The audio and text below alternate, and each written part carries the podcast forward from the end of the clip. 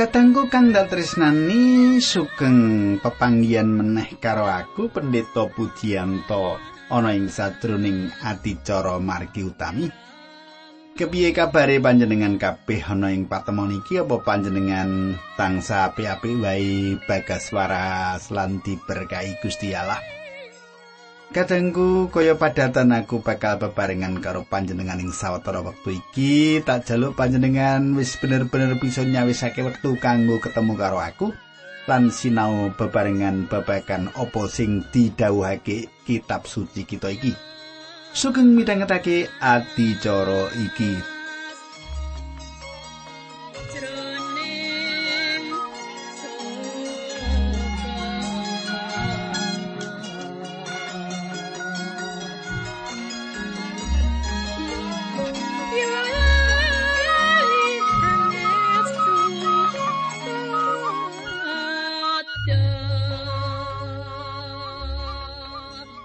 Para pamirsa tak suwun panjenengan isi kelingan apa sing tak aturake marang panjenengan ing patemon kita kepungkur. Ing kepungkur kita wis gegilut bab nggone ngetut buri lan pracaya bangsa Israel marang Alahe ora kanthi gumolonge ati lan pikir kanthi mengkono Allah paring paukuman ngumbara patang puluh taun ning ora samun. Sakdawane wektu mau wong Israel sing kagolong bandel lan asring padha nyingkur panjenengane wis entek, wis padha mati. Nuli kepriye lakune bangsa Israel ing sisa pasal-pasal ing wilangan iki? Sadurunge tak teruske monggo kita ndedonga nanging sadurunge ndedonga aku ngaturake salam dhisik.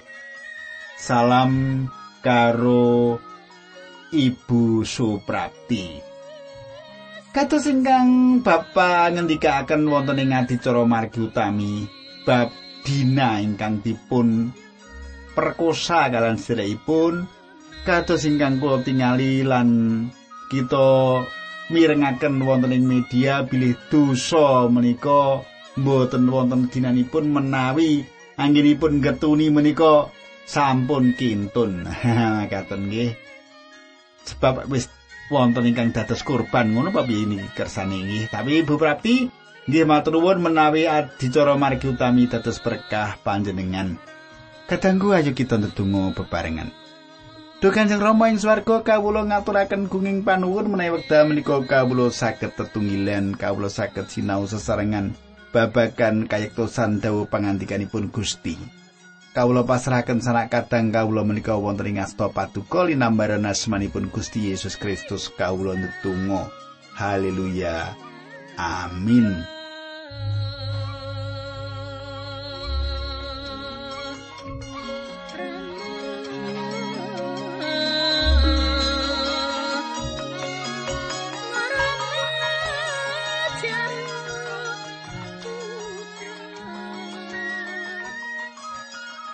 Andaran ing dina iki bakal kawiwitan saka wilangan telung puluh loro ayat 16 nganti 19. Mengkini surasiane wilangan 16. Wong-wong Ruben lan Gad nuli padha nyedhaki Musa lan kondo mengkini.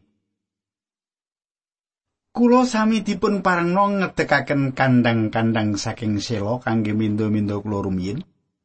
Lan benteng-bentengi kita-kita kula kangge pangayomanipun anak-anak kula. Sesampunipun menika kula siaga majeng ing paprangan sesarengan kalian sedherek kula sak bangsa. Semasa majeng perang kula sedaya ingkang badhe dados panuntunipun ngantos sedaya talar saged ngenggeni tanah pandumanipun piyambak-piyambak. Selaminipun kula sami nglampahi perang kajengipun anak-anak kula sami manggen ing ing kita-kita ingkang sentosa supados mboten dipun serang dening tiang pribumi ing ngriki. Ayat 18 lan 19. Kula mboten badhe wangsul dhateng griya kula ngantos tiang Israel sedaya ngenggeni tanah pandumanipun piyambak-piyambak. Kula mboten badhe nyuwun panduman Siti sekedhik kemawon ing sakirening lepen Yarden. Mergi kula sampun nampi panduman Siti ing sawetanipun lepen Yarden. Mengkono surasane pangandikan ayat 16 nganti 19. Sumitraku. Taler iki nawakake kabecikan arep ngirim prajurit kanggo ngrewangi. Songo setengah taler liyane kanggo ngrebut tanah perjanjian. Musa nulingi dini padha mangkono ning sawetane kali Yordan, wong-wong Ruben lan Gad iki ora mung ngomong, nanging kepara nyata nindakake apa sing dijanjekake kaya kasebut ing Yosua rolas nganti 16. Nuli Nabi Musa ngelingake wong-wong mau, wilangan 32 ayat 23. Nanging deling yen kowe ora netepi janjimu kowe dosa marang Allah. dadi tumindakmu sing bener supaya kowe ora kena paukumane Allah. Kadangku. Pengetane Nabi Musa iki banjur diplesetake sing isine kira-kira dosamu sing bakal ngadili kowe. Iki ateges Ruben lan Gad ora bisa nyingkir saka janjine jalaran bakal nampa akibati. Ingen diwae sing sapa wis gawe dosa lan kadurakan mesti bakal ngunduh woe. sing nandur bakal panen, sing nyilih bakal mbalekake. Saiki wilangan telung puluh teloro ayat telung puluh telu. Musa banjur mandumi marang talar Gad, talar Ruben dan separone talar Manase kabeh tanah tilas wilayah raja Sihon, ya kuwi rajane wong Amori, semenuga sing biyen wilayah raja Ok wong Basan, semenuga kutha-kutha lan tanah ing sakiwa tengeni.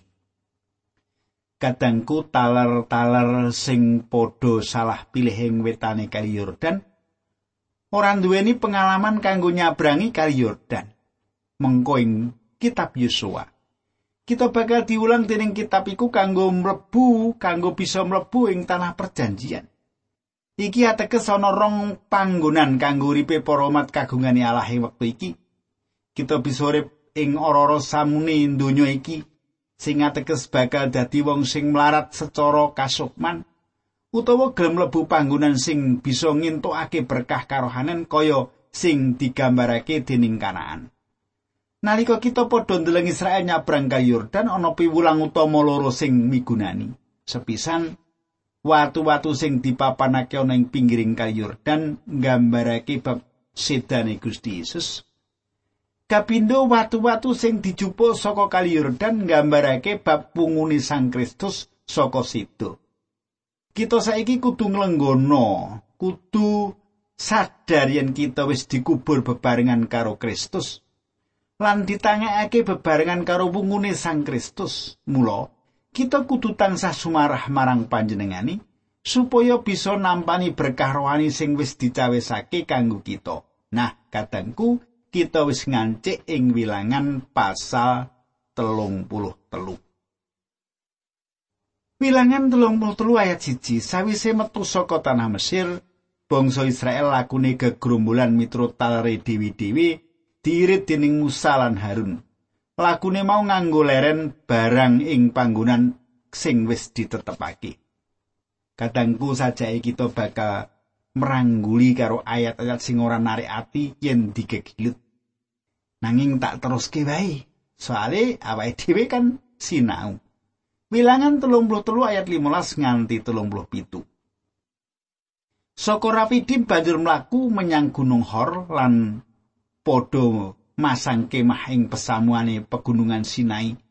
Kibrot Ta'awa utawa kuburane wong serakah, Hasirat, Ritma, Rimon, Peres, Libna, Risa, Kihilata, Gunung Sifar, Hayada, Makilot Tahat, Tarah Mitka, Hasmona, Mosirot Benia akan Hor Gitgat, Yudbata, Abruna, Esion Geber, Segoro Wedisin, Yeku Kades lan Gunung Hor ing tapel watasi tanah hitung.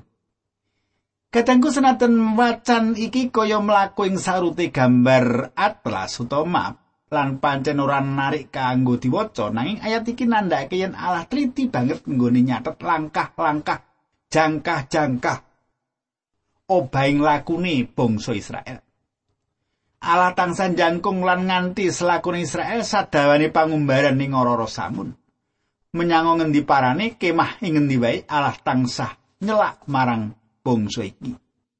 Nanging bangsa iki ora duweni kepinginan kanggo mlaku bebarengan karo Allah asring balelo marang Allah. Nanging Allah ora tau nilarake Israel iki kanyatan lan kayekten saka isine kitab suci dawi Allah. Gusti Yesus ngendika Yohanes 14 ayat 18. Aku ora bakal nigakake kowe, kowe ora bakal padha kapiran, aku bakal bali meneh. Kadangku kepriye carane kanthi ngutus Sang Roh Suci ing uripe saben wong sing pracaya? Allah bakal rawuh lan nganti panjenengan ing selawasi gesang panjenengan. Saiki wilangan 33 ayat 51 nganti 52. Supaya ngandani bangsa Israel mengkene yen kowe wis nyabrang kali Yarden arep mlebu ing tanah Kenaan, rakyate negara kono kudu kok tundungi kabeh. Brahala-brahalane sing digawe saka watu utawa barang pelian semono panggonan-panggonan sing dinggo nyembah brahala gempurun kabeh. Ayat 53 nganti 56. Tanah kuwi kudu kok rebut lan kok enggoni mergo wis ndak paringake marang kowe. tanah mau nuli dumen karo para talare Israel lan para turunane srana undi turun sing gedhe weneh ana lemah pusaka sing amba lan turun sing cilik weneh ana tanah pusaka sing ciut yen rakyat pribumi kono ora kok tundungi wong-wong mau bakal tetep manggon ing kono lan bakal gawe susahmu dadi kilip ing mripatmu utawa ari ing dagingmu mergo bakal padha nglawan perang marang kowe yen ora kok tundung kowe dhewe sing bakal ndak tumpes ora beda karo sing ndak rancang arep ndak tindakake marang wong-wong mau. Katengku manut cara pamikire manungsa ala iku ora adil. Coba to. Bangsa iku kudu ditumpes dening Israel, sawetara iku Israel dhewe ora setya tuhu marang Allah. Nalika Allah ndawi Israel mlebu menyang tanah Kenaan dan ngremuk kabeh watu kirugiran sing dadi berhalane bangsa iku. Uga kudu ngejur panggonan kanggo asok korban bangsa Kanaan. Iki panggonan korban kanggo bangsa-bangsa sing durung kenal Allah.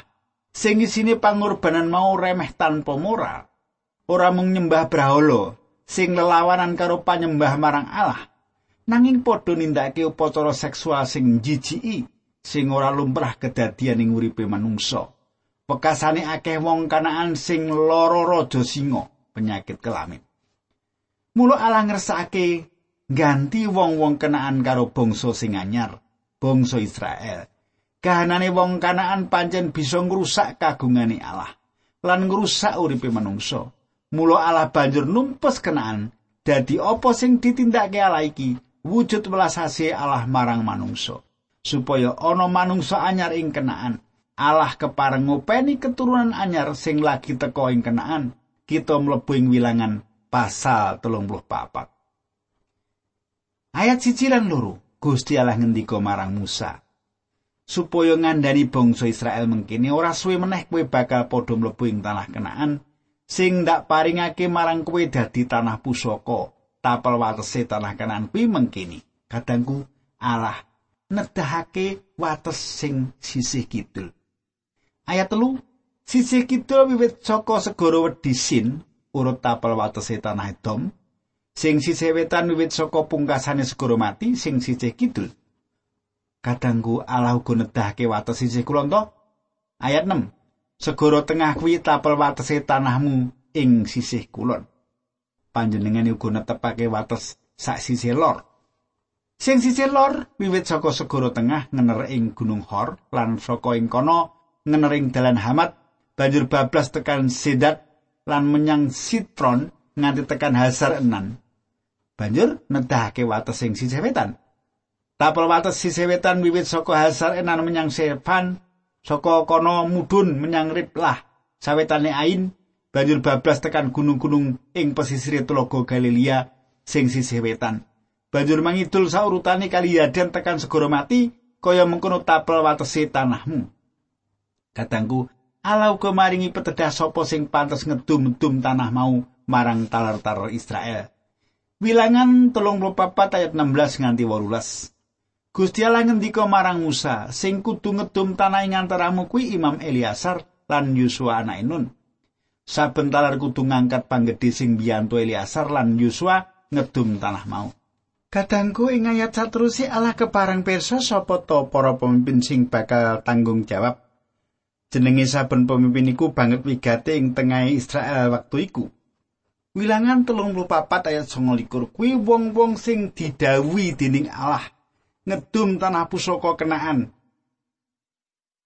ing antarané bangsa Israel. Talar Lewi ora entuk bagian tanah perjanjian, tanah Israel, nanging padha kebagian kutha-kutha ing ngendi taler iki dedunung. Sebanjure kita bakal mlebu ing pasal 35. Pasal 35 ayat 1 nganti telu. Ing tanah ngare Moab, sacedhake kali Yarden sangarepe kutha Yeriko, Gusti Allah ngendika marang Musa, Bangsa Israel kandhanono yen wong Lewi kudu diwenehi kutha sawetara dinggo manggon. Lan panggonan ing saubengi kuwi kudu dijupukake saka panduman tanah pusaka sing padha ditampa dening para taler. Kutha-kutha mau bakal dadi duweke wong Lewi dinggo manggon panggonan ing saubengi kuwi kanggo raja kaya lan kewan-kewane liyane. Gusti Allah ngendika marang Musa, ana patang puluh wolu kutha sing dadi bagian Tal Lewi lan enem ing antarane dadi kutha pangayoman. Wilangan 35 ayat 10 nganti sak telusi.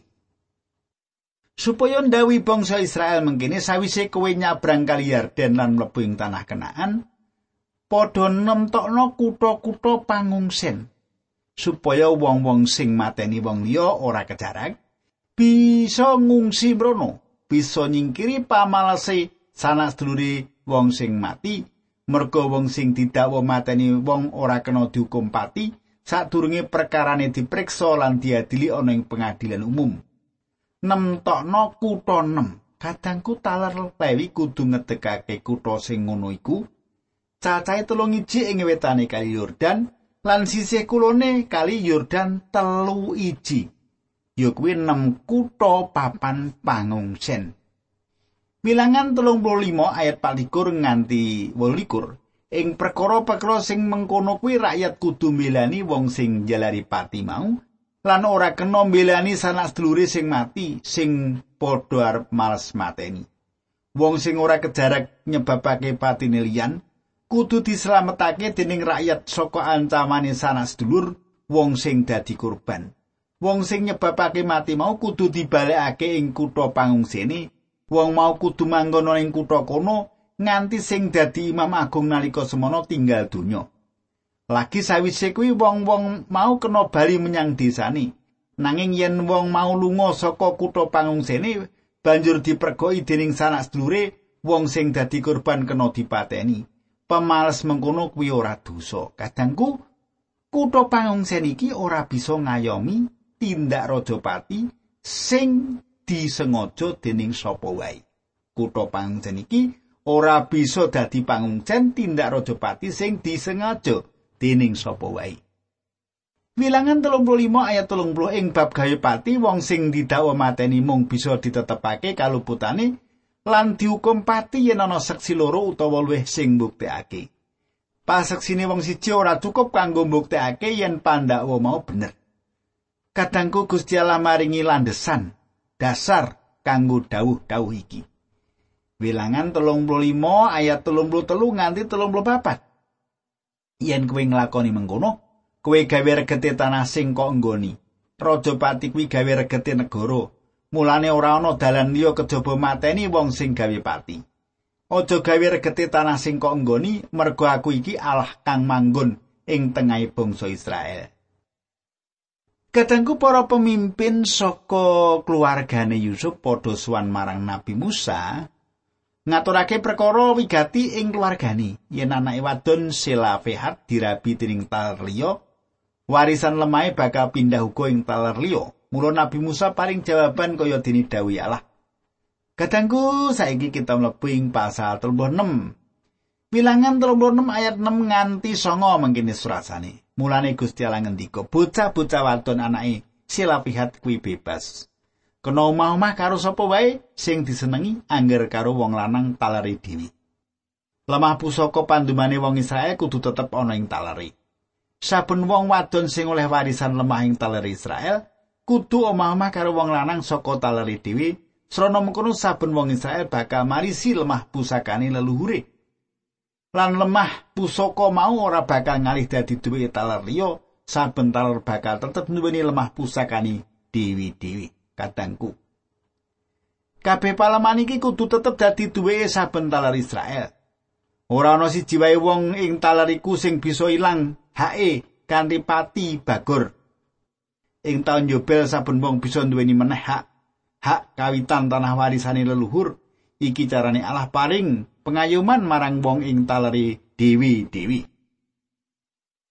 Wilangan telung puluh ayat 10 nganti telulas. Mengkini surat sani. Mergo saka dawe Allah marang Musa mau, bocah wadon lima anak Isila pehat yakwi Mahla, Tirsa, Hogla, Milka lan Noah banjur padha omah-omah karo sanak seduluri dewi. Yakwi karo wong saka turunane Taler Manase anake Yusuf. Srana mengkono tanah pusakane bocah-bocah wadon mau tetep dadi duweke Taler Manase. Mengkono pernatan-pernatan lan putusan-putusan sing didhawuhake dening Allah marang bangsa Israel lantaran Musa nalika bangsa Israel isih padha ana ing tanah ngarep Moab sacedhake kali Yarden sak ngarepe kutha Yeriko. Kadangku ayat iki ayat penutup saka panggeglut kita ing buku wilangan utawa kitab wilangan kita wis ngrampungake kitab wilangan. Muga-muga sadawane nggon kita nyinau lan geglut kitab ulangan iki ndadekake berkah kagem panjenengan sak brayat. Aku ora ngira menawa kita wis bisa ngerampungake pasinaon kita saka kitab bilangan iki lan bakal tak terusake ing dina candhake sinau saka Injil Yohanes. Awis saka iku saiki perlu ndedonga dhisik mungkasi matur nuwun karo Gusti Allah anggon kita sinau. Sinau so kurang jero mbok menawa tumrap panjenengan nanging panjenengan bisa sinau dhewe. Ayo kita ndedonga bebarengan. Duh Gusti Allah ingkang Maha Asih. Kawula ngaturaken gunging panuwun menawi wekdal menika kawula saged sesarengan saged sinau pangandikanipun Gusti. Kawula nyuwun supados Gusti piyambak ingkang berkahi kawula berkahi sanakatang kawula menika ingkang setya tuhu midhangetaken adicara menika. Dinambaran asmanipun Gusti Yesus Kristus kawulan tunggu haleluya amin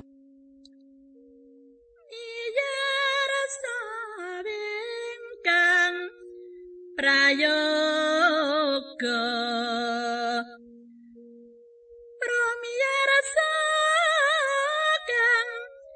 sutresna ya bapakku dhewe